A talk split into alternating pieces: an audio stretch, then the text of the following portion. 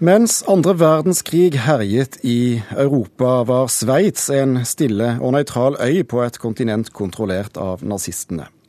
I nyere tid er det laget en rapport om hvilken rolle banklandet egentlig hadde gjennom krigsårene. Rapporten er blitt eh, dysset ned, men dramatikeren Lucas Berfos eh, har eh, skrevet teaterstykket 20 000 sider. Fredag vises stykket utenfor Sveits for første gang, når det er eh, premiere på Det Norske Teatret i Oslo. Og regien der, den har du, Per Peres Øyan. Velkommen. Takk skal du ha. Fortell oss eh, først litt om denne rapporten. Hva står det egentlig der?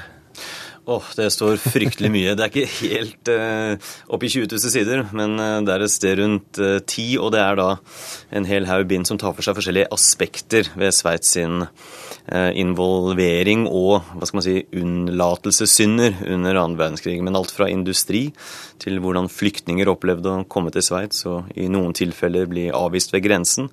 Tross, til tross for at myndighetene selvfølgelig, som alle andre, visste etter hvert gjennom sin egen spionasje hva som førte til de som ble eh, avvist og ble sendt til leire, selvfølgelig. Vet du noe om hvorfor denne rapporten har blitt såpass uh, dysset ned som den har? Altså dysset ned og dysset ned. Altså Den fikk mye oppmerksomhet da den kom sånn puljevis rapport for rapport. Men da det store samlede verket var ferdig, uh, så ble det vel som med mange andre rapporter når en regjering ønsker å granske noe og gjøre en grundig jobb. Altså man, man stiller opp, tar noen bilder, tar noen håndtrykk, uh, klapper hverandre på skulderen og tenker nå har vi gjort en god og grundig jobb. Og så havner den i, i hvelvet og forsvinner i liksom hverdagens konsensus. da.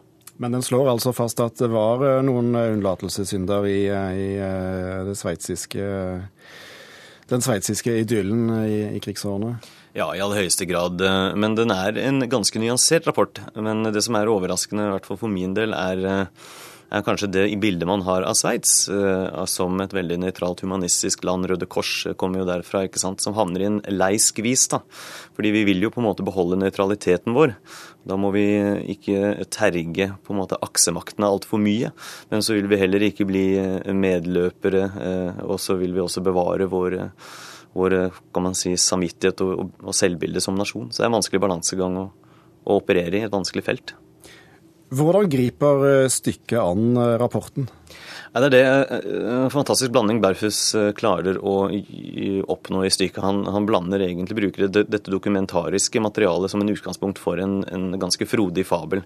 Det handler om mannen i gata, nettopp ikke en oppvakt idealist som ikke vet noe om Dette er ikke, ikke en politisk engasjert mann men en ung mann av sin generasjon som plutselig bokstavelig talt får en hel haug med bøker i hodet. Han har kravla opp i en søppelcontainer, og så plutselig er, oppdager han at alle disse eh, informasjonen, alle disse historiene, sitter som spikra. Og han går selvfølgelig ut i verden som en slags eh, hva skal man si, sannhetssøker på veien eh, for å finne ut hva, hva kan denne informasjonen tjene til. Hvor har den plassen sin, rett og slett.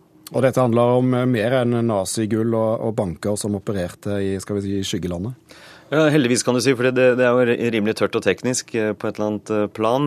Eh, men det handler først og fremst om skjebnen til da Altså Det som vekker denne Tonys hovedpersons interesse, er først og fremst skjebnen til noen av de flyktningene som prøvde å, å ta seg inn i Sveits når det sto på under andre verdenskrig, og grensene ble stengt en gang i, løpet av, av, krigen, selvfølgelig. Og da begynte noen deler av landet å praktisere den politikken veldig strengt og avvise flyktninger, selv om det rapporten viser at man visste at eh, for mange, spesielt jøder eller, eller eh, roma eller sinti, eh, del, så førte det til at de havnet rett i klypene til nazistene, eller medløperne da i Frankrike under Vichy-regimet.